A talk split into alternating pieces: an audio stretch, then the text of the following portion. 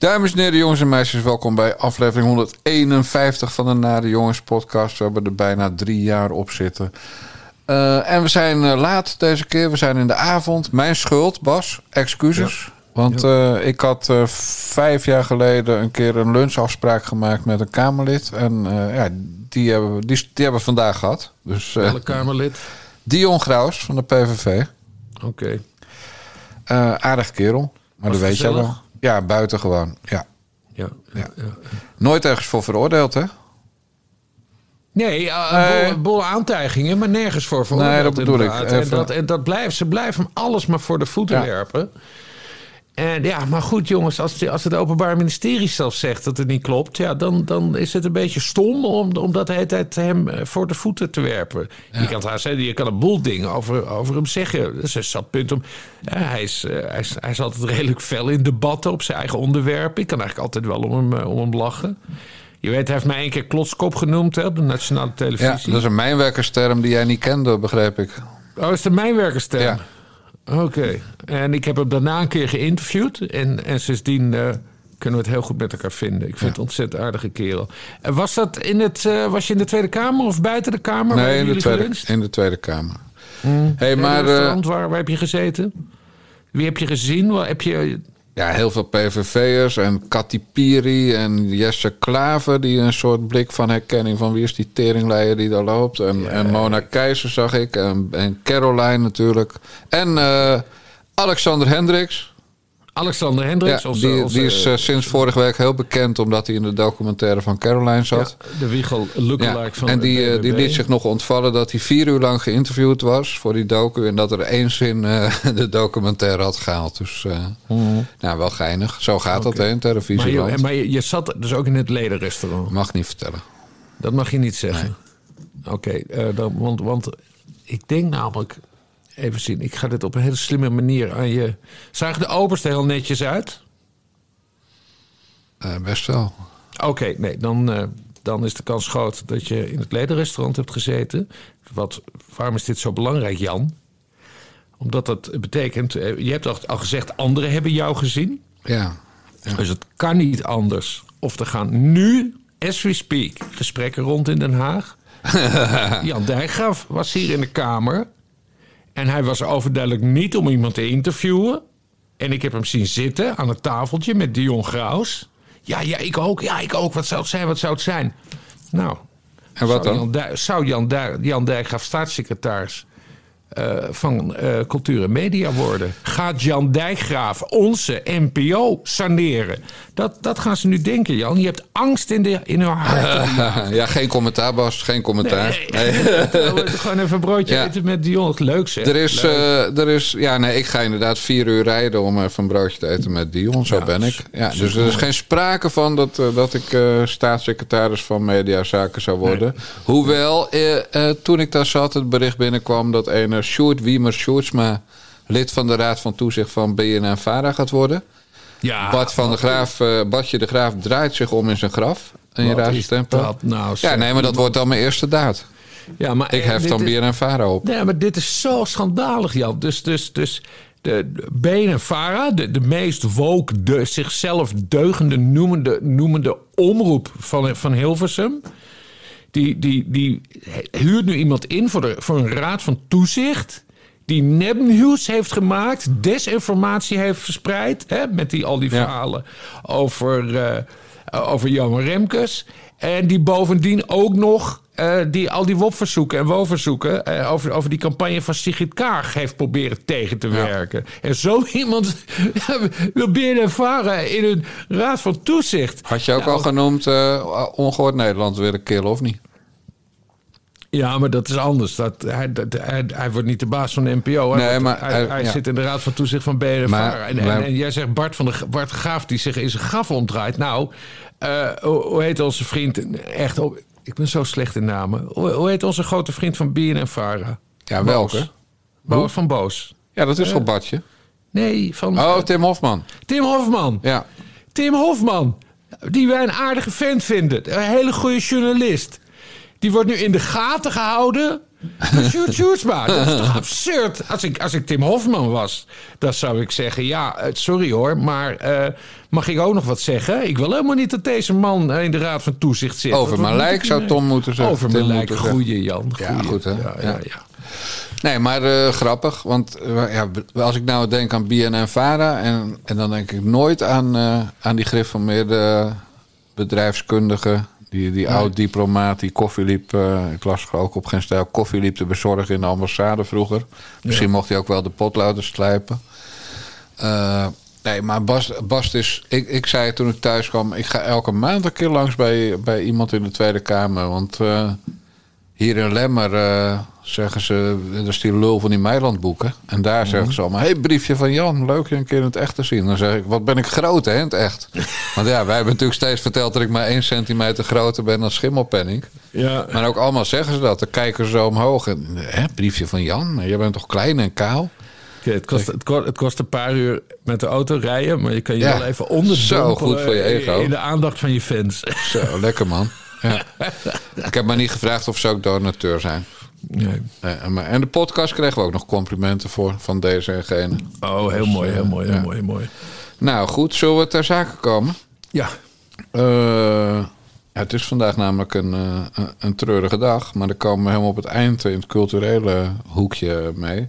Maar we gaan het eerst even hebben over eh, een, een collega-podcast. De Communicado's. Lars Duursma en eh, de jou bekende Victor Vlam. En eh, die, hadden het, eh, ja, die hadden toch een soort nieuws over eh, de zaak Royce de Vries Galit Kazem. Met, die met alle soorten van geheimhouding eh, omgeven rechtszaak.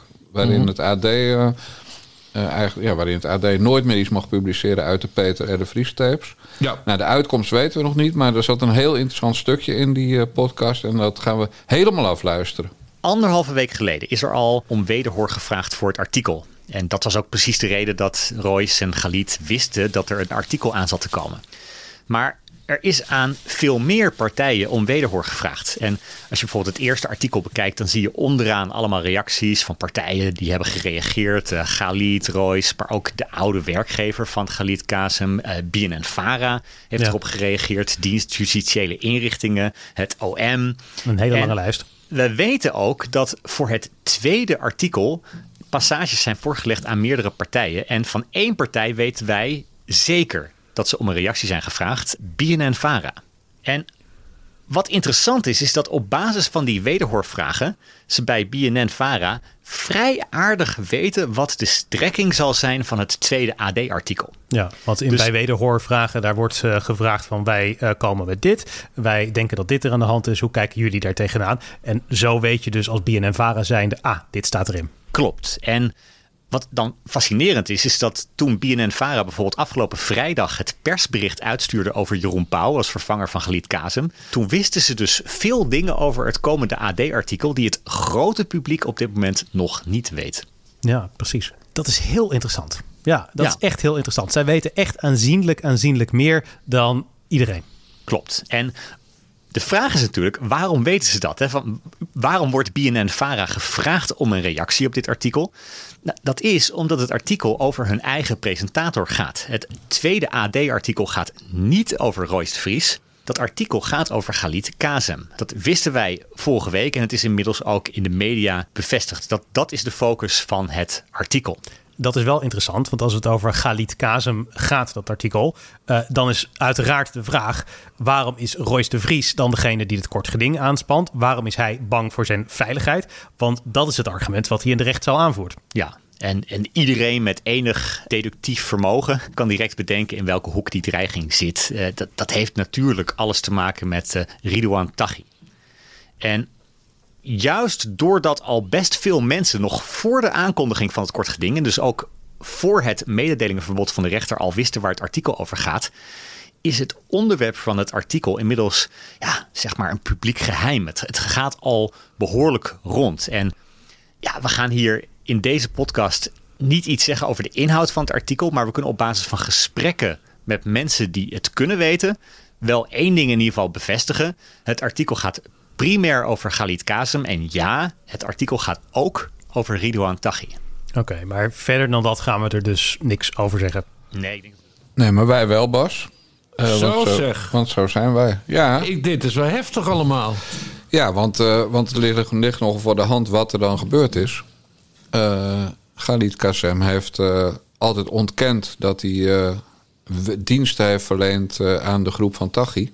Eh, daar werd hij natuurlijk van beschuldigd door het Openbaar Ministerie en de politie, omdat er bandopnamen waren dat eh, eh, het broertje van Moussa werd ingeschakeld. En Khalid Kassem heeft een broertje dat, dat, dat eh, Moussa heet. Ja. Eh, en het eh, toeval wil dat eh, de dag nadat dat, eh, eh, dat het allemaal naar buiten kwam, dat gedoe dat hij daarvan beschuldigd werd, eh, stopte Peter R. de Vries bij het eh, kantoor de Vries en KSM. Ja. Onder het mom van eh, die jongens kunnen het verder wel zonder mij. Ja. Nou, wat zouden wij dan deduceren, Bas Paternotte? En dan gaan we even speculeren, zodat we niet voor de rechter staan eh, ergens de komende dagen. Nou, ik deduceer, speculeer, dat, er, dat Khalid Kassem wel degelijk eh, heeft gelekt naar eh Ridouan Taghi's groep. Ja. En dat hij dat heeft bekend op die banden van, met, tegen Peter R. de Vries. Dat, oh, dat denk ik, vermoed ik. Wat. Oh, oh, oh, wat een shitzooi zeg. Wat een ongelooflijke shitzooi is het zo aan het worden. Nou ja, ik vind het wel smul eigenlijk. Ja, nee, absoluut. Ja. Een klus, een clusterfuck van belangen die door elkaar heen hebben gelopen. En, en dan komen we dus gewoon uit bij, bij Tagi en... en die dan de vermeende opdrachtgever is weer van de moord op Peter de Vries. En dat loopt allemaal door elkaar heen. En BNN Varen. Wij weten wel, wa- wanneer eh, is die... Is die is die Uitspraak is vrijdag. Maar de kans bestaat dat zelfs de uitspraak geheim blijft. Zo, zo ver gaat het zelfs. En de NVJ die vindt dat allemaal niet zo fijn, maar die staat nog steeds niet op zijn achterste benen. Mhm. Als de uitspraak geheim blijft en het AD mag de tapes niet meer gebruiken. Want eh, de Vries eist, die eist niet dat één verhaal niet verschijnt, maar die eist dat de tapes voor altijd verboden worden verklaard voor het AD om te gebruiken. Jezus. Nou, en, en, en dit wat die jongens net vertelden van communicators was de tweede, eh, het tweede punt. Het eerste punt wat ze hadden was. eh, het, eh, het is uitgekomen. Die, of het AD heeft in november die tapes gekregen. rond het moment dat het boek van Royce de Vries uitkwam.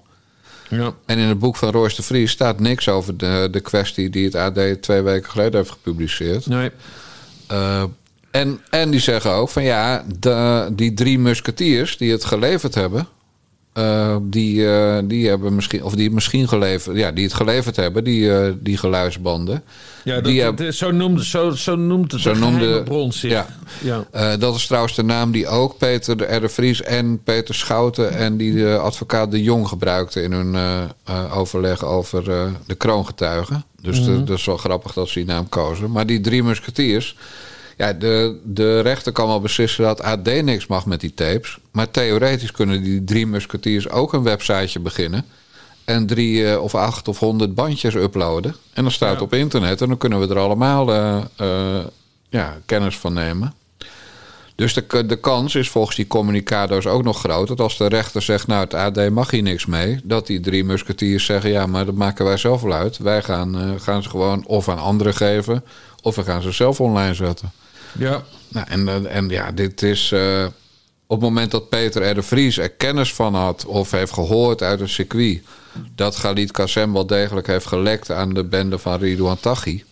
Ja, dan, dan is het natuurlijk volkomen logisch dat de Vries heeft gezegd... ik stap nu uit het advocatenkantoor. Maar het is ook logisch waarom hij dat deed met... die jongens kunnen het wel zonder mij. Ja. Ja, als hij dat met, eh, met eh, mediageweld had gedaan...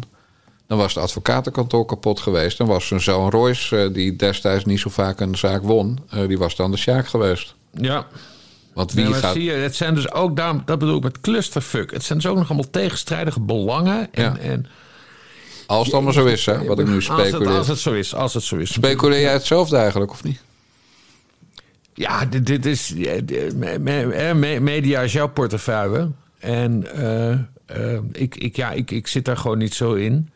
Eh, de, over die drie musketiers trouwens, dat is, maar dat is puur toeval. Eh, ik heb, ze hebben een tv-serie gemaakt van dat boek Judas. Van Astrid een van, een van die Holleder-zussen. En eh, die serie die heb ik toevallig vorige week gekeken. En daar gaat het ook over drie musketiers. Want Je hebt dan die Sonja Holleder en dan nog de andere zus Holleder. En dan heb je ook nog de, de vrouw van andere mafioos. Die is afgeknald, hè, vermeend. Of, of, of echt de Holleder. Dat weet ik niet eens of hij daar voor die ene moord is. Maar die drie vrouwen die noemen zich ook de drie musketiers. Daar moest ik aan Er zijn aan- nogal wat aan musketiers in de wereld. Er zijn nogal wat musketiers eh, rondom Peter R. de Vries. Ja, dat, eh, Maar goed, eh, als Peter R. de Vries dus heeft geweten dat, eh, dat, eh ja, dat Gazem een, Gazem een, een lek was richting de Taliban... en hij was zelf de, zeg maar, de adviseur van een kroongetuige in die zaak... Ja. Ja. dan word je natuurlijk helemaal gek in je hoofd. Dan is er ook alle reden om te zeggen... ik wil nooit meer wat met je te maken hebben.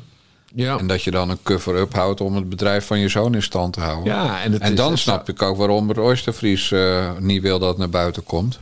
Ja. Ja. want die weet natuurlijk dan ook van de hele zaak af. Ja, en, en, en, en, en in hoeverre. we, eh, hè, want die, die, die, die, die, die, die, die Kassem-jongen, die. Ja, dus in zekere zin zou je dan kunnen zeggen. Dat, dat, dat iemand van die eh, Tagi-club. dus ook gewoon de NPO, B- BNNVARA heeft geïnfiltreerd. Want daar komt het op neer. Nou, als, ja. als, dit, Ja. als, dit de, als dit allemaal de conclusies worden. Ik vind dat nogal wat voor, voor de NPO. Dat is toch niet normaal? Dat, dat, dat er vermeende halve mafioze types presentator kunnen worden. Dat was volgens mij niet de, geen onderdeel van de taakstelling van de, van de publieke omroep. Nee, ik wil natuurlijk Galit Kassem niet eh, eh, beter afschilderen dan hij is. Maar wij hadden het er vanochtend aan de ontbijttafel over. En toen was er eh, iemand, ik zeg niet wie, maar met borsten. Vrouwenborsten. Eh, en die zei, ja, maar wat doe je als je broertje in die organisatie zit... en de, de leiding, of, of het wordt je duidelijk gemaakt dat de leiding van jou iets verwacht van zo'n organisatie. En je hebt nog een moeder, en je hebt misschien nog wat broertjes en Ja. zusjes, en je hebt nog een vader. Eh, dus het kan ook best dat zo iemand dan onder druk dit soort dingen doet. Galit Ja. Kazem in dit geval. Ja. Eh, en dat is natuurlijk geen onlogische gedachte van eh, mevrouw Dijkgraaf. Die- Nee, dat kan, het. ik me, dat kan ik me ook heel wel Dus voorstellen. dan is het niet echt een mafioos.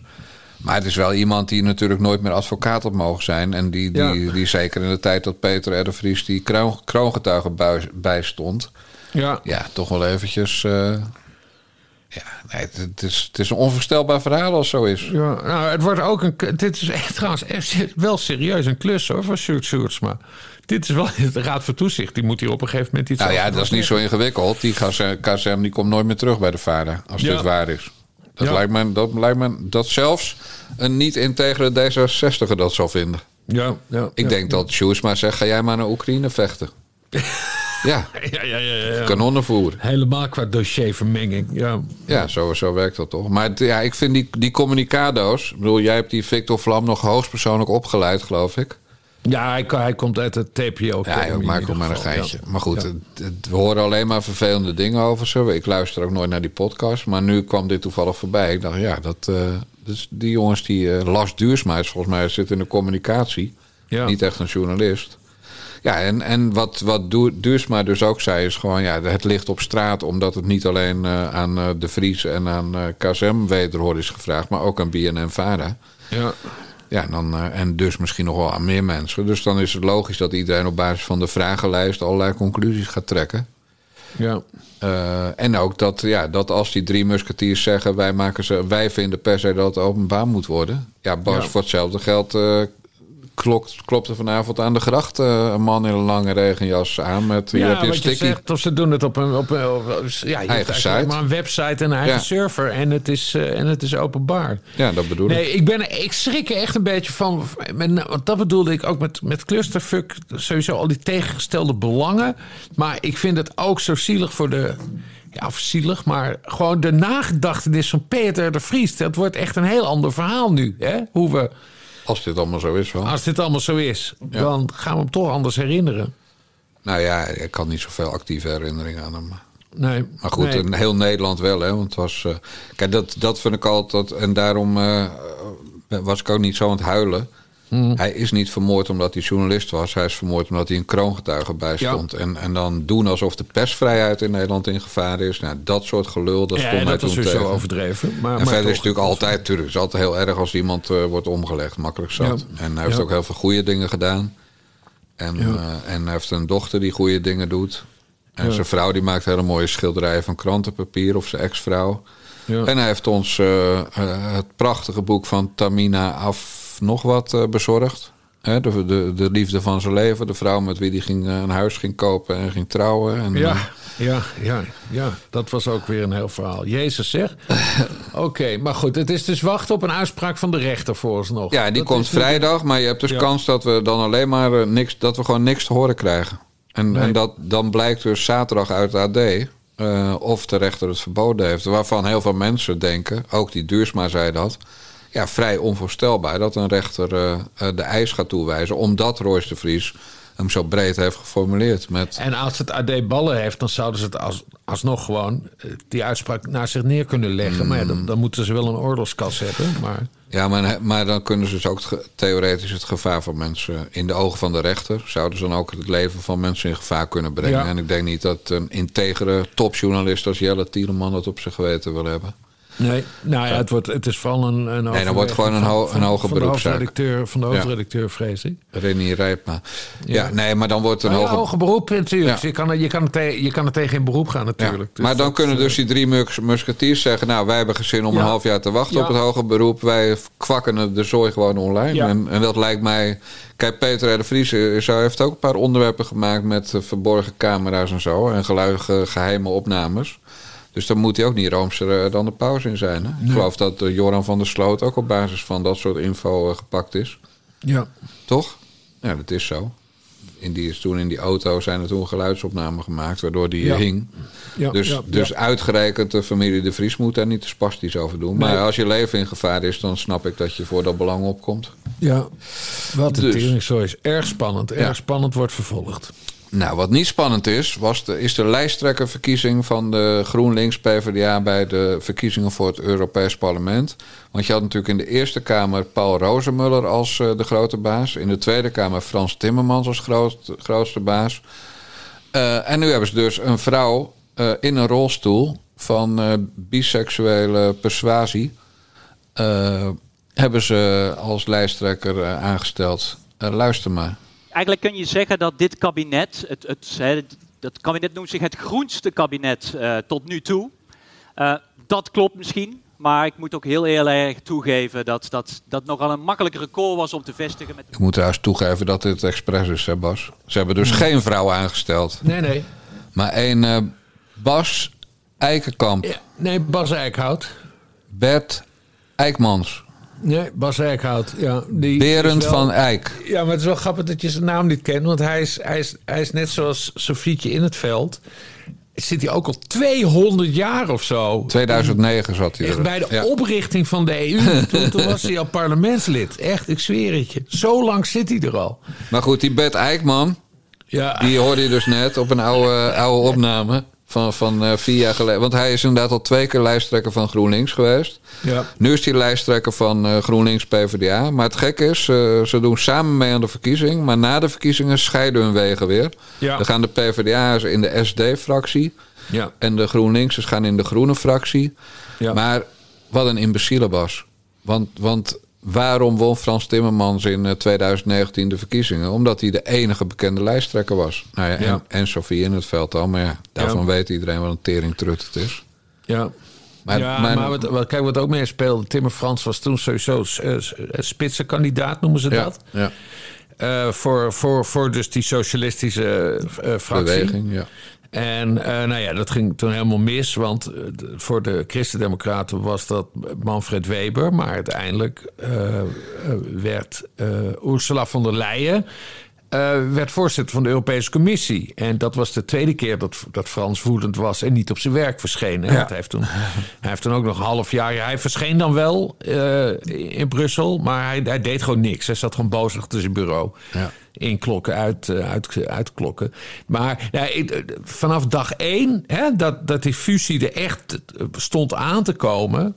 Eh, toen eh, was er met name vanuit GroenLinks Europa, dus dat is deze Bas Eickhout, eh, was er kritiek. Want Bas Eickhout die zag het dus vanaf dag één niet zitten. En vermoedelijk om zijn eigen baantje of zo.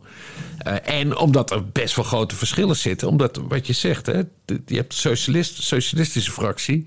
En je hebt die groene fractie, die echt, echt extreem links is. Hè. Er zitten ook hele enge communistische types in. En, eh, en dergelijke. Dus nee, ja, lekker, lekkere teringzooi, lekker gewerkt, jongens. En dan zie je dus dat, het, dat die, die fusie, dat dat, ja, dan werkt dat wordt. dus niet in Europa. Ja, nou. Er wordt een lekker bende, gewerkt. Bas. Ja, Want, want eh, maar goed, ik, ik had expres even een fragmentje van een speech van vier jaar geleden. Mhm. Het heeft ook de uitstraling van een Sjoerd Sjoerdsma. hoor. ja. Geen dus. Nee, het is een lange slungel met een bril. Ja. En, en ja, eigenlijk een soort shoot. Het is een, hij zou zo een mager mannetje kunnen zijn. Ja. Ze hebben allemaal dezelfde koppen, dezelfde dictie, dezelfde blik. Ze zijn allemaal even arrogant, hè? want hij is, hij is ook ontzettend arrogant. Echt? Oh. Ja, ja, ja, ja, ja. Dat, echt als je hem in interviews ziet en zo. Het is echt zo'n wijsneus. Ja, ja. Echt zo'n wijsneus. Zo'n siewertje. Ja, ja, maar Siewert, die is in de omgang nog sympathiek. Maar Ja. nee, dit, hij is net zo'n Sjoerd Sjoerdsman, al die types. Echt zo'n zo'n wijsneus. Dat als je hem ziet, dan denk je gelijk... ik vind je helemaal niet aardig. Ja. Mag jou niet. Ik wil helemaal niet met jou praten. Ga weg. Zo'n type is het. ja. Nou ja, die, die, die Bert dus. ja, Eh, en, en er is ook best wel wat weerstand natuurlijk, omdat het weer een vent is. ja. Na Ro Rozenmuller en Timmermans. Ja, wat een gedoe, man. En, en dit, eh, bedoel, dit wordt gewoon helemaal niks meer, hè? Het, het, het- ik, ik weet trouwens ook al die andere fractie of die lijsttrekkers niet en wie er al zijn. Volg jij het een beetje of boeit Nee, het je nee, nog niet? nee, Nee, hè? nee, nee, nee. Hey, ik was vandaag in de Tweede Kamer, dus ik heb al het nieuws gemist. Eh, Nou, de- het spannende gebeurde allemaal in de Eerste Kamer. en wat was er dan? De dwangwet, hadden- zeker. We hadden dus de definitieve stemming over eh, de dwangwet. Ja. Eh, er gebeurden twee, twee dingen, vond ik wel, eh, wel interessant. Eh, eh, er is natuurlijk hoofdelijk gestemd. Maar eerst had de PVV nog een plannetje. Dat is die, die jongen van Hattem, heet hij. Die zei, dat hadden ze bedacht, heel slim. die wilde nog wat extra informatie van de Raad van State over de uitvoering hebben. En daar wilde die toen ook hoofdelijk over stemmen. En als, als dat was aangenomen, dat voorstel, dan zou er niet vandaag zijn gestemd over de dwangwet, maar volgende week. Ja. En nou ja, goed, het is een kwestie van tijd kopen. Hè? Dan, dan, dan kun je, nou ja, moet je zelf verzinnen wat je met die tijd wilt doen. Maar je kan bijvoorbeeld proberen VVD'ers alsnog om te praten en, en weet ik veel. Het, gewoon tijd kopen, Kan ook pesten zijn. frustreren, Ja. pesten, hè, Ja. allemaal mogelijkheden. En, ehm, eh, en je zou verwachten dat eh, mevrouw Lagas van BBB eh, dat wel zou steunen. Hè? Want Ja. BBB is tegen de dwangwet, dus dan zouden ze ook... Elke week is winst. Ja. Dat is precies. Zouden ze Ja. voor maar nee, eh, BBB ging dat niet steunen. Waarom niet? En eh, nou, dat, dat zei ze verder niet, maar ze ging dat gewoon niet steunen. Nou, dat vond ik al, al een beetje, beetje typisch BBB. Hè? Want eh, ja, ze hebben toch gezegd dat ze tegen zouden stemmen. Dan, dan, dan, dan zou je, is er niks mis mee om even de PVV te helpen. Nou, had ze dus geen zin in. Toen kwam de echte stemming. En toen kwam er dus een, een stemverklaring van BBB. En daar zei ze... Hè, want we wisten al, BBB gaat unaniem tegen de wet stemmen. Ja. Maar daar zei ze in haar stemverklaring... zei ze van ja, eh, binnen mijn fractie... eh, zijn, er, zijn we verdeeld. Er zijn ook mensen voor deze wet. Maar voor de lieve vrede zullen wij tegen gaan stemmen. Ja. Nou ja, en dat is dus wat ik al die, al die tijd... Hè, we hebben het hier besproken. Er zijn gewoon BBB'ers voor... eh, eh, eh, de dwangwet. Alleen, Ja. ja. die zijn nu dus definitief in het hok geschopt. Maar dat komt alleen maar omdat de VVD unaniem voor heeft gestemd. Maar waarom zegt ze dat dan? Nou ja, omdat dat, dat is schijnbaar, vindt ze, hebben ze dat tegen haar gezegd. Van, nou ja, dus zeg maar de voorstanders hè, binnen de BBB-fractie in de Eerste Kamer. Die hebben gezegd, nou ja, prima. We gaan daar voor de lieve vrede gaan wij unaniem tegenstemmen. Maar dan willen we wel dat, dat Lagas zegt dat er wel eh, onder ons Voorstanders zijn. eh, voorstanders zitten. maar dat, is dat niet, neigt dat niet erg naar met last spreken dan? Of stemmen? Ja, ja dat, is, dat, is, dat is de achterliggende grote discussie natuurlijk. Van, eh, dat, dat, dat senatoren naar hun eigen hart moeten kunnen stemmen. Annabel Nanninga die zei dat nog in haar stemverklaring. Hè, ook, maar dat was natuurlijk meer tegen VVD'ers. Eh, van ja, eh, jullie mogen allemaal voor, zelf, voor jezelf stemmen. Hè? Het, is, het, is, het is niet dat er een fractiedwang is. Dus dat, hè?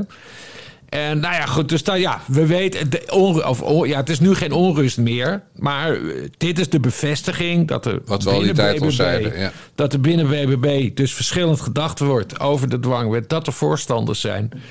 En dat, eh, dat Caroline van der Plas waarschijnlijk de blaren van de tong heeft moeten praten om, eh, om dit zover eh, eh, te krijgen. En dat verklaart ook waarom de, ze, ze, ze, ze niet eh, eh, wilde onderhandelen over, over, die, over, over, over dat PVV-voorstel.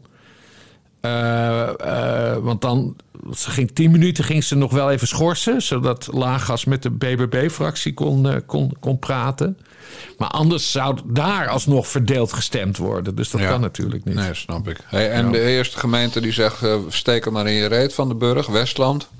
Ja, Westland. Moet 700 eh, van die lui opnemen. En zegt Ja. gewoon, we doen het niet. Die schijnen ook al meer dan 10 jaar geen asielzoekers meer te hebben opgevangen. Is een beetje een LPF-gemeente, oude stijl. Ja, en het ze, goed zitten, en ze zitten natuurlijk vol met arbeidsmigranten. Ja, die werken in die kassen natuurlijk. Ja, maar goed, dat willen ze zelf. Ja. Maar eh, eh, hoe heet die? Professor Voermans. Die, eh, die met die lange die krullenbol. Die, de rock'n'roll professor. Ja, eh, die wist ja. meteen het grondwetartikel te noemen. Waarbij de, ja, van de burger gewoon kon zeggen. Even los van dat deze wet al dwingend kan worden opgelegd.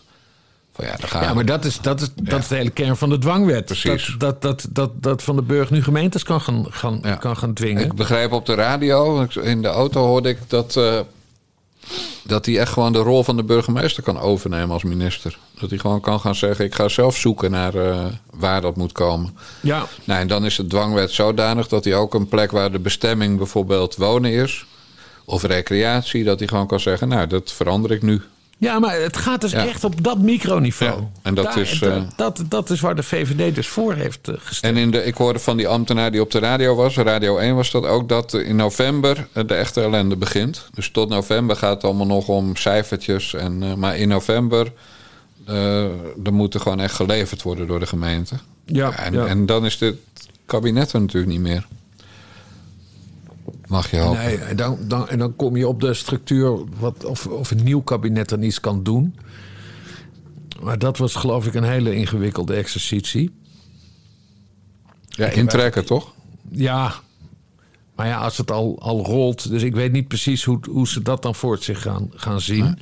In de Tweede Kamer trouwens vroeg vanmiddag tijdens de regeling van werkzaamheden... eh, Joost Eerdmans, eh, dus van je 21, gelijk om een debat. Eh, maar daar kreeg hij geen meerderheid voor, omdat, en dat, dat, dat, dat, ik had de agenda niet helemaal goed voor me, omdat er maandag een commissieoverleg is met eh, Erik van den Burg. Eh, dat begint hartstikke laat, dus het begint maandag om kwart over vijf, geloof ik, smiddags. En dat Ja, gaat echt tot elf uur s'avonds door. Dus er komt wel een soort van debat over de situatie. En dat komt best wel vuurwerk worden. Maar dat is dus een, commissieoverleg. En dat is dan op maandag. Mijn vrije dag, dus ik ga dat niet volgen. En, eh, eh, maar ja dat, ja, dat is de enige ontwikkeling. Oh ja, en wat wel grappig was. eh stel je voor, hè. Het, het, het, het, het ging erom dat, dat er twee. Je had twee Kamerleden nodig. Als de VVD dus eh, tegen had gestemd, had je twee Kamerleden nodig eh, gehad voor een eh, meerderheid hè, Ja. om tegen de dwangwet te zijn. En er waren nu twee Eerste Kamerleden die zo hebben gestemd dat ze die meerderheid hadden kunnen vormen. Martin van Rooyen 50 heeft besloten tegen te stemmen. Ja. En die ging trouwens ontzettend spierballen rollen op Twitter. Die man is 81. Ja. En hij stuurde even een tweetje van... ja, jongens, mijn stem is ook belangrijk. Ja. En het is belangrijk rekening te houden met uitslagen van verkiezingen. Daarom heb ik zo gestemd. En toen zei een collega van mij, heel slim... eh, tegen mij toen we het erover hadden... van ja, nou, dan, dan had hij st- zijn stem moeten onthouden... Want, want buiten de Eerste Kamer is er helemaal geen 50-plus meer... als hij verkiezingen zo belangrijk vindt. Dus dat vond ik wel geestig. Maar goed, Martin van Rooyen heeft dus tegen gestemd... En één CDA, wiens naam ik niet ken, heeft ook tegengestemd. Dus één CDA. Iets die met Oosthoek eh, of zo. Ja, maar die heeft dus eh, die heeft gezegd: Nou, ik vind dit een kutwet, dus daar, eh, daar ga ik tegenstemmen. Geestig, hè? Ja, heel geestig. Nou, wordt de VVD vriendelijk bedankt. aan, maar Nee. het is wel geestig. Ja, nou, dat was het zeker voor vandaag. Uit Den Haag. Of niet? Is er nog meer gebeurd? Vragenuurtje? Nee, vragenuurtje was saai. En eh, er is een van de begrotingsbehandeling. Nee, de rest was saai. Nou ja, er was natuurlijk nog een gênant moment in de Tweede Kamer... wat ik toevallig op Twitter voorbij zag komen. Dat was toen in de Eerste Kamer voor de dwangwet was gestemd. Mevrouw Pat van D66 en... eh Ja, die is van D66. En een neef van, van een niet nader te noemen neef... die ging een soort dansje staan doen in de Tweede Kamer. Oh, die, pot. Mevrouw ja, Pot. pot. Oh, ik dacht Pat. Nou ja, pot. Nee, ik hoorde dat. Ik heb het niet gezien. Die, die, stond, eh, die stond een dansje te doen Ja. of zo. Toen, eh, vlak voor de vergadering. Ja, die was zo blij dat ze in de Tweede Kamer ging staan dansen. Met, en, en, en Jantje Paternotte, die bewoog ook. Ik kan het geen dansen noemen. Oké. Neem niet aan dat hij, dat hij veel medailles heeft gehad met dansen vroeger. Want het was net zo slecht als ik het altijd deed. Maar goed, die, die pat of Ja, pot... dat is wel grappig. Jannen kunnen dus niet dansen. Is dat het? Leeft dan Ja, ik denk het. Nee, de want deze, ba deze, ba deze paternotte, Bas paternotte, hebben we het laatst besproken. Die Ja, kan ja. dus heel goed dansen, vindt hij zelf. Dus dat, eh, Nee, ja. Jan Paternotte die stond een beetje mee te bewegen van... staan we hier nou voor lullen of is dit goed om te doen? Maar vervolgens kwam hij natuurlijk met een schandalige tweet... van PVV twee maanden de grootste. Vorige maand het Klimaatfonds er doorheen. Nu de dwangwet, of spreidingswet noemt hij hem dan. Ja. Heel veel zin in maand drie. Nou, dan ben je echt... Dat triomfant, triomfantalisme heet het Ja, zo. dat, dat siert een politicus niet hoor, om dat zo, eh, om dat zo te doen. Nee, Dat, zeker niet eh, van een partij waar, waar we nog altijd niet weten welke baan Ernst Kuipers wel of niet gaat krijgen. Dus Ja. dat gaat een grote rel worden als dat helemaal bekend wordt. Anders wisten we het al. Waarvan eh Kagel die Gaza is geworden omdat ze eh, Hamas gaat helpen in, in Ja, Lady Gaza, gebied. vond ik leuk gevonden. Die stond in jouw briefje. Ja, maar ik had hem niet verzonnen.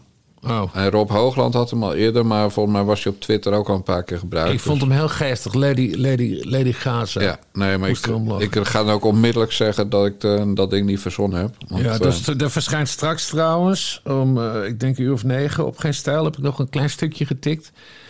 Eh, want ik zat na te denken over Ernst Kuipers, eh, dat dat zo stil is en dat we niks weten. En toen bedacht ik me opeens, het is een beetje Petertje Reewinkel, weet je nog? Die was oud, oud Oh, ja. Ging naar Spanje of zo. werd burgemeester van, eh, van Groningen. En op een gegeven moment stopte die. En hij zou een nieuwe baan in Spanje hebben. En dat Ja. bleek allemaal gelogen. En, en, en, hij lat, en hij zei: Nee, ik heb geen wachtgeld gebruikt. Had hij toch wachtgeld gebruikt? Opeens kreeg ik een soort Peter Reewinkel-vibe. Oh, er, is, er kon wel eens meer aan de hand zijn met die, met die Ernst Kuipers. En de conclusie is dan van, eh, nou ja, ik, eh, er is maar één iemand naast Ernst Kuipers die weet wat hij gaat doen. Zijn vrouw. Nee, maar ja, dat ook. Maar oké, nog iemand en eh, politiek gezien. En ik neem aan dat dat zijn eigen politiek leider is, namelijk Rob Jetten. Ja. Dus dan moet Rob Jetten het maar gaan vertellen wat... eh, En maar Rob Jet is nu de deur aan het eh, langslopen. Om te zeggen hoe laat je stroom mag gebruiken.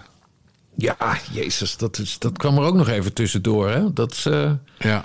Dat, dat er eventjes eh, een rapportje wordt gedropt van ja, we, die slimme meter waar we verder niks mee gaan doen vanwege jullie privacy, daar gaan we toch wat mee doen. ja. En als het, als het ochtends druk is, mag je geen stroom gebruiken. Als het 's avonds druk is en eind van de middag druk is, mag je geen stroom gebruiken. Ah, jongen, Bas, het is, een, het is zo'n ongelooflijke tyfusbende die dit kabinet gaat achterlaten. ja, maar goed, daarom is het... Tijd eh, voor een, voor een tijd voor nieuw kabinet. Ja, Nou, een optimisme, daar wordt aan gewerkt Ja, nu. Dus, maar eh, langzamerhand vind ik het ook wel een wederopbouwkabinet. Wat we nodig hebben. Ja, maar toch... het wordt een wederopbouwkabinet. Er wordt afscheid genomen van 13 jaar puinhopen van Mark Rutte. Daarom duurt het ook zo lang. Dat, kun je, dat krijg je niet heel snel uit de grond gestampt. Nee, maar wij moeten, die naam, wij moeten die naam claimen. Dat, wij, dat wederopbouwkabinet gewoon. Wederopbouwkabinet, Ja, gewoon ja. standaard vanaf nu. Ja. Hey, eh, had jij zondag leuke dingen te doen of heb je WNL op zondag gekeken? Ik weet het wel. Je hebt WNL op zondag gekeken, want we hebben het er in de, in de synagoge al over gehad. ja. Maar we moeten nog even terugkomen op die Rinus Otter van het Openbaar Ministerie en eh, die vrienden van Extinction Rebellion. wat mij Ja, betreft. god, Want, god, oh god, god. ik heb een fragmentje.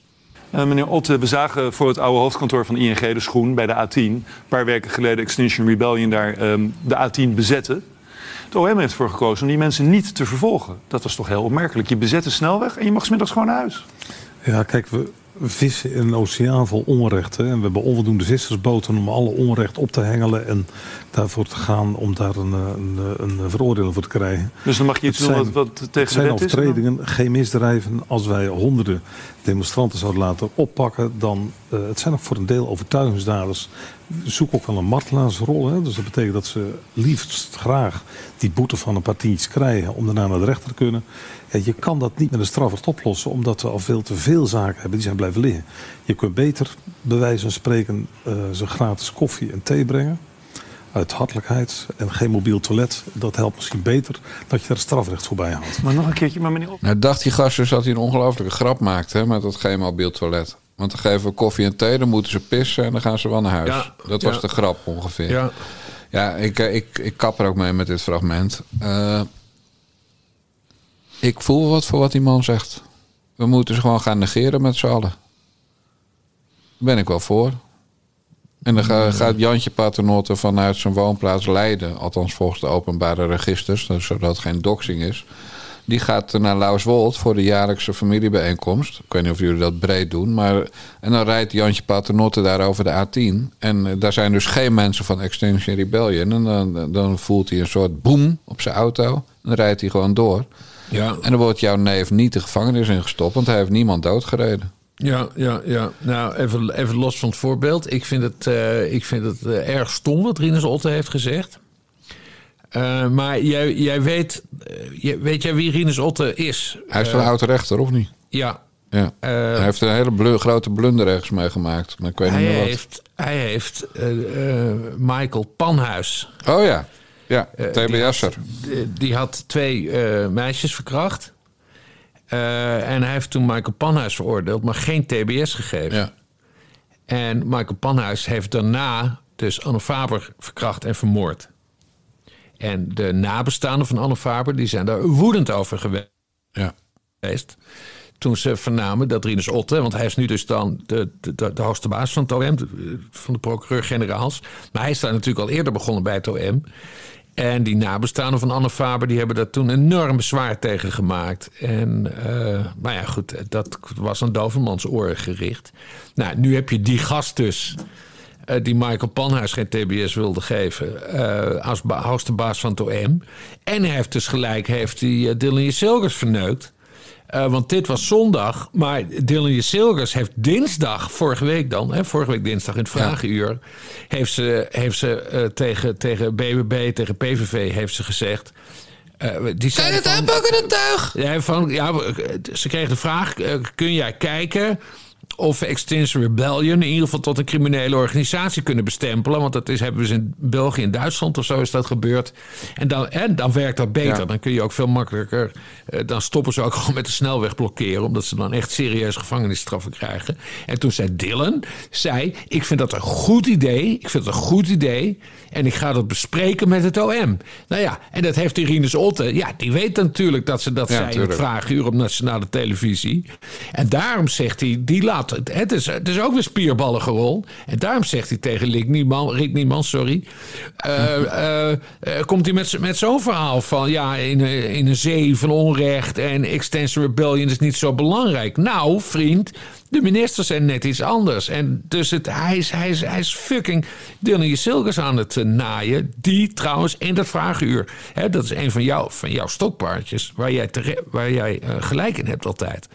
Dat zij, de minister van Justitie heeft aanwijzingsbevoegdheid. Hè? Ja. Zij kan tegen het OM zeggen: Ik wil. eh, ik wil gewoon dat jullie nu alles op alles zetten om Extension Rebellion eh, te gaan vervolgen. Maar wat zij zei tijdens dat vragenuur, want dat vroeg de PVV aan haar. eh, of die stelde die vraag van, u, u heeft gewoon aanwijzingsbevoegdheid. Waarom Ja. doe je het? En toen zei ze, nee, geen haar op mijn hoofd. Ik zal het nooit, ik zal nooit mijn aanwijzingsbevoegdheid inzetten. Want zo'n land willen we niet zijn. Wat een onzin. En, en hem op zich heeft ze daar één ja, maar het punt. is, het is wel de wet. Ja, nee, maar ze heeft, daar, ze, heeft daar, ze heeft daar wel een punt. Want als ze dat voor Extension Rebellion eh, inzet... dan geeft ze ook een mogelijke opvolger in een hele andere tijd. Bijvoorbeeld als er een linkse minister van Ja. Justitie is... eh, eh, die kan dan ook zulke soort dingen gaan doen. En dan krijg je bijvoorbeeld de situatie... en dan wordt het echt een politiek proces... dan kan de minister van Justitie zeggen van... nou, ik ga Geert Wilders toch... eh, ik wil dat de OM nu Geert Wilders gaat vervolgen voor zijn uitspraken. Ja. En, dus ik snap een beetje haar terughoudendheid daarin. Maar goed, veel belangrijker. Die Rinus Otte heeft nu gewoon die zondag bij Rick Nieman gezegd... dat hij scheid heeft aan Dylan Silgers. En dat hij, dat hij niks gaat doen om, om die Extinction Rebellion lui harder aan te pakken. Nou, dat gaat nog een leuk gesprek worden. Maar toch nog even over aanwijsbevoegdheid. Hè. Dat is natuurlijk maar iets formeels. Eh, Want we weten, weten dat er diverse politieke processen zijn geweest. Ik noem de blokkeervriezen. Dat OM een heel filmpje klaar had wat er allemaal fout was aan het, aan het eh, blokkeren van snelwegen. Ja, ja, Ik ja. noem Geert Wilders met zijn minder, minder, minder uitspraak. Ja. Dat, de, dat de voorzitter van de Veiligheidsberaad, latere voorzitter, de burgemeester van Nijmegen, Hubert Bruls, voorop ging in de stoet van dwergen die eh voorgedrukte aangiftes ging ondertekenen Ja. Op, de, op het stadhuis. En we niet te vergeten het proces van Richard de Mos. Ja. Ook een politiek proces waarbij rechter Jansen, die nog nooit in een zaak van, van ambtelijke corruptie en zo iemand had vrijgesproken volledig, de Mos en zijn, en zijn collega's volledig vrijsprak. En ging het OM in hoger beroep, wat op 3 maart trouwens gaat beginnen. Eh, dus eh, alleen daar heeft geen minister gebruik gemaakt van een aanwijsbevoegdheid. Maar ik kan me niet aan de indruk onttrekken wel, dat de ministers wel gebruik hebben gemaakt van hun beïnvloedingsbevoegdheid. Ja, en, dat, en, dat, en dat, dat kunnen ze gewoon onder elkaar doen. Hè? Er Precies. geen paper trail voor te zijn. Dat is gewoon even een gesprekje, even bij de Belletje, koffie. ja. Even overleg, zonder, hè, zonder, Ja. zonder, zonder notulist erbij. Nee, tuurlijk bestaat dat, ben ik van overtuigd. En dat, dat zie je helemaal bij, bij, Richard, eh, bij Richard de Mos dan. Ook is dat dan ook meer echt het, het Haagse OM, hè? dus van de, de stad Den Haag. Ik weet niet of dat... Nou, het zou trouwens wel... Het zou trouwens ook wel bij de minister kunnen zijn, omdat het Nou ja, het begon natuurlijk de hele affaire. met de gemeenteraadsverkiezingen in het achterhoofd. Hè? Dus, nee, maar het eh, begon, ja. nou, het begon toen de burgemeester Krikken moest aftreden vanwege die vuurzee in Scheveningen. Een dag daarvoor was de inval. Nou. En anders was Richard de Mos interim of waarnemend burgemeester van. Den Haag geworden. Dus Eh, politieke proces ga je nooit krijgen. Maar we kunnen dat niet bewijzen, want er is inderdaad geen brief naar het OM gestuurd die Nee. via de WO opvraagbaar is, waarin de minister het aanwees. Maar Nee, daar zijn we weten- genoeg voor. Precies. Ja. Dus die aan, dat, dat Dylan dat zegt. Ja, ik heb eerlijk gezegd liever dat ze openlijk een aanwijsbevoegdheid gebruiken. dan dat ze stiekem doen zoals het tot nu toe gaat. En we Ja, weten het is in ieder allemaal. geval wel transparanter Ja, als, daar hou ik als, van, als, Bas. ze de opdracht eh, geeft. Ja. En een haar van haar hoofd af. Dat lijkt me ook heel treurig, want dat is het enige wat ze nog heeft. Dat kapsel. Dus, maar goed. Ja, nee, daar hebben we wel eens over gehad. Stel je voor dat ze dat haar niet heeft. Wat, wat Ja. zie je dan? Dus dat, ja. Er is in dat kader nog één zaak waar, die ik nou eens op mijn to-do-list ga zetten. Want normaal ben jij de man die altijd eh, dingen noteert van dat ga je nog uitzoeken. Zo heb je Ja. ooit een WOP-verzoek gedaan naar de telefoon van Dylan Jusilvers en Geert Wilders. ja. Maar ik ga eens uitzoeken hoe het zit met mijn oude bloedgabber Jantje Roos. Wat is er met Jan? eh, Jan Nou ja, die heeft dus weer een buurman van Dennis Schouten beledigd. Hij heeft gezegd dat die man in de oorlog bij de SS zou zitten. Wacht even, de buurman van Dennis Schouten. Ja. Maar hij, hij, hij heeft toch een podcast met In die podcast Schouten? met Dennis Schouten heeft Jan, de buurman en Dennis Schouten... ze hebben de buurman van Dennis Schouten beledigd. Oké. En ze hebben gezegd, die zou in de oorlog bij de SS hebben gezeten. Wat ik bijvoorbeeld zou kunnen zeggen over Sjoerd Sjoerdsma... als ik dat zou willen. Ja. Dat kan mijn overtuiging zijn, hè? Dat hij in de oorlog bij de SS zou hebben gezeten. Mhm. Nou, en nu moeten Jan en Dennis voorkomen wegens belediging. Nou, dat kan ook nog, hè? De- Dus die man heeft een klacht ingediend. En dan, word je, eh, dan zegt de OM, nou, dat gaan we vervolgen.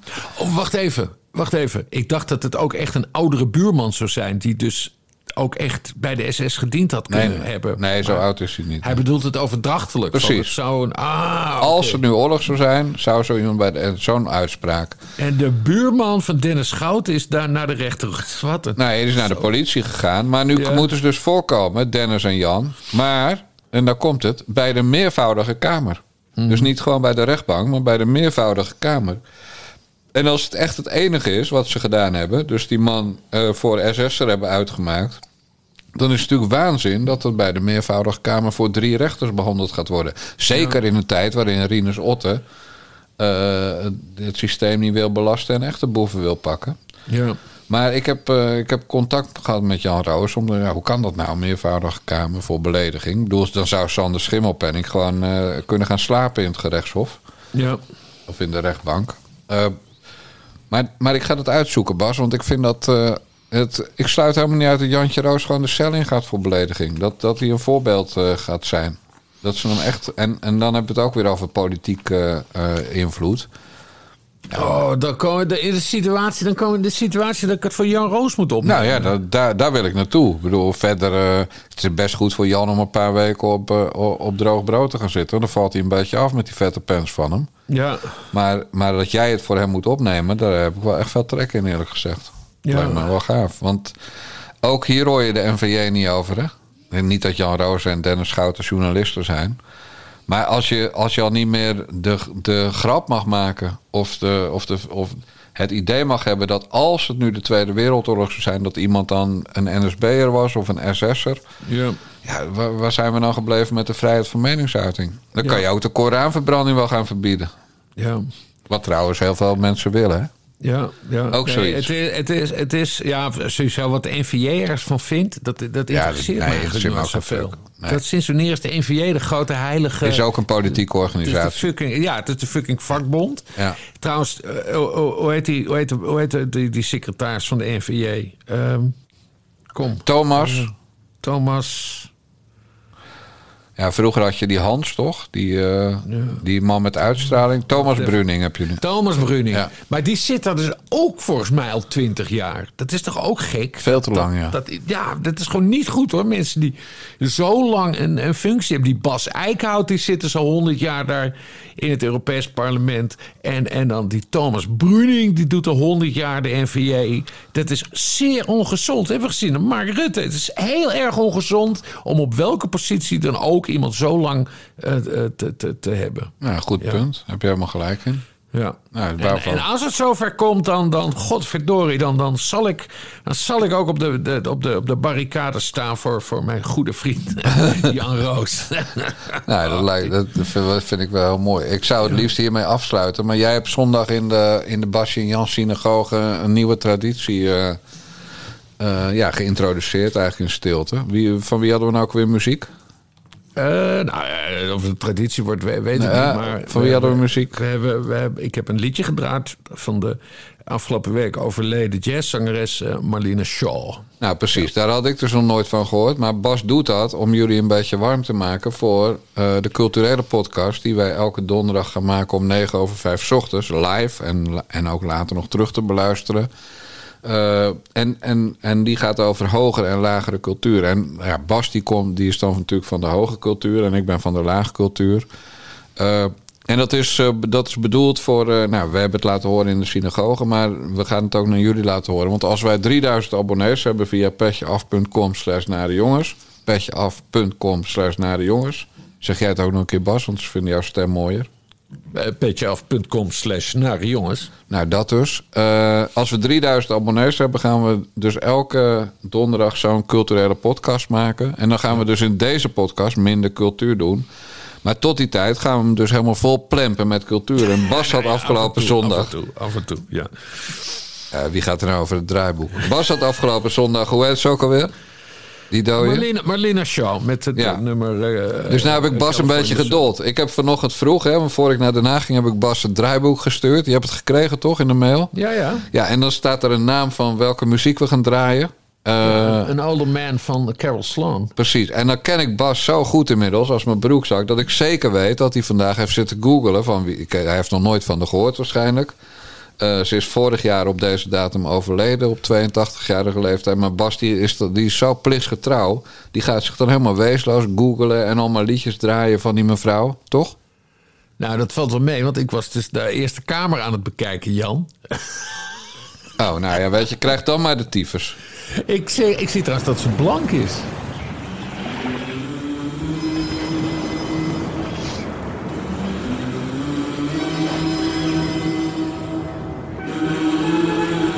Dit is dus je straf, hè? Ik had, ik had twee nummers klaarstaan. Carol Sloan, die is dus vorig jaar eh, eh, op deze datum overleden. Ja, Maar ja, toen zat ik natuurlijk in de auto en toen hoorde ik van een, eh, een veel recenter verlies. En toen dacht ik, ja, jij met je hogere cultuur, een older man, van, van weer zo'n zo'n jazzachtige zangeres van wie we nog nooit gehoord hebben. Ja, je krijgt maar de tyfus. Ik ga gewoon muziek uit mijn jeugd pakken, want Frank Varian is vandaag overleden. Nou, en die ken je wel. Nee. De bedenker van Boney M. eh bollen. Is dat die blonde? Ja, weet ik het. Ik ken alleen zijn naam. Hij woonde in M, Miami. Is dat de zangeres? Of het, Hey, Boney M is natuurlijk het bandje met, eh, met Bobby en, en die drie eh, vrouwen, die negerinnen. Bobby Farrell en, en die drie zangeressen. En Bobby woonde in Almere, man. Weet je nou niks van, van mijn is uit de cultuur? jaren 30 of zo. Toen jij. Toen jij... Nee, de Bobby Farrell die was tot tien jaar geleden nog in het nieuws. Toen woonde hij in Almere. Oké. Oh man, je weet gewoon niks van, mijn, van de echte hogere cultuur. Alleen, alleen maar dat, dat ingewikkelde gedoe. Nou goed, Boney M.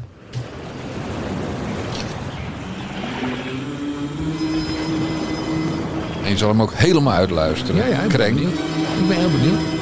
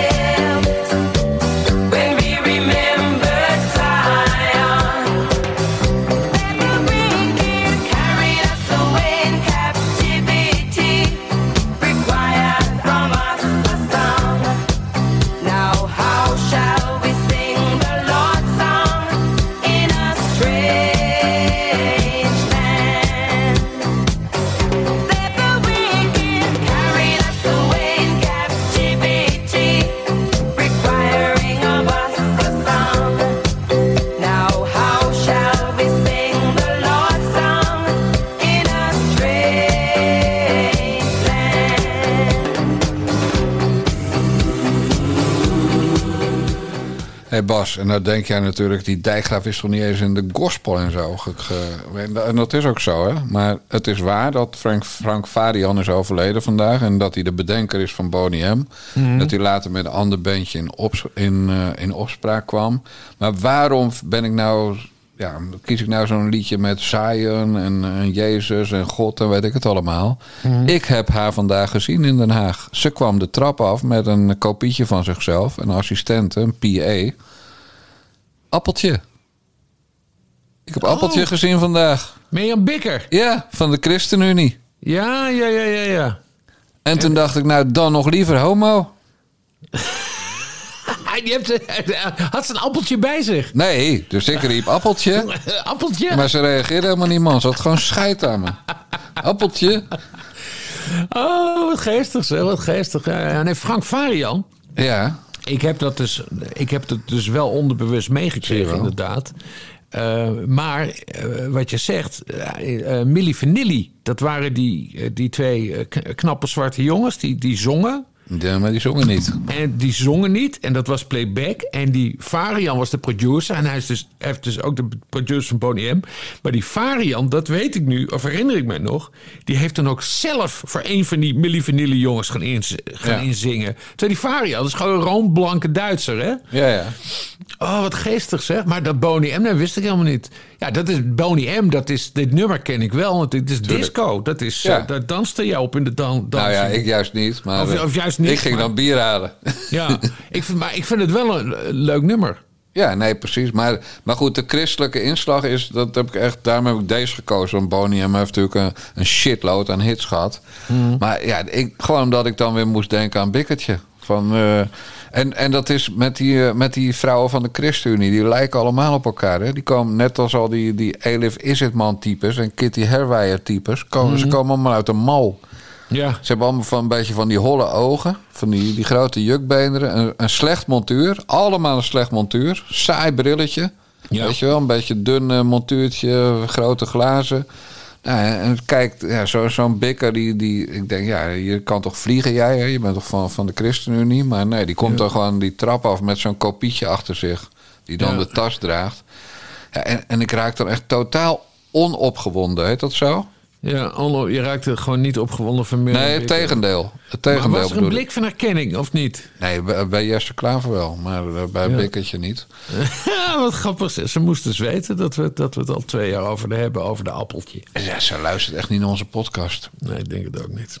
Eh, maar goed, Bikkertje, ja. Eh, dat is- Nee, maar eh, dit was dus eh, niet eh, Carol Sloan. Wil je dat nog horen van die oude man? Nee, Carol Sloan gaan we dan bewaren voor de volgende keer. Want Ja, dan is ze een week en een jaar en een week dood. Dan, dan zit er geen mooi cijferverhaal meer in. Oké, nou, Carol Sloan gaan we Nee, we doen het niet ook. Bas, ik, Oké. De mazzel. Nee, wacht Ja, even. ik ben klaar. een vraag. Ik had nog één vraag Ja. aan jou. Omdat jij daar, om- ik zat erover na te denken met, met die Khalid en Ben en Farah. En straks blijkt ook nog dat Frans Klein er iets mee te maken heeft gehad. nou, dat sluit ik helemaal niet uit, Bas Paternotte. De mazzel. Doei, doei.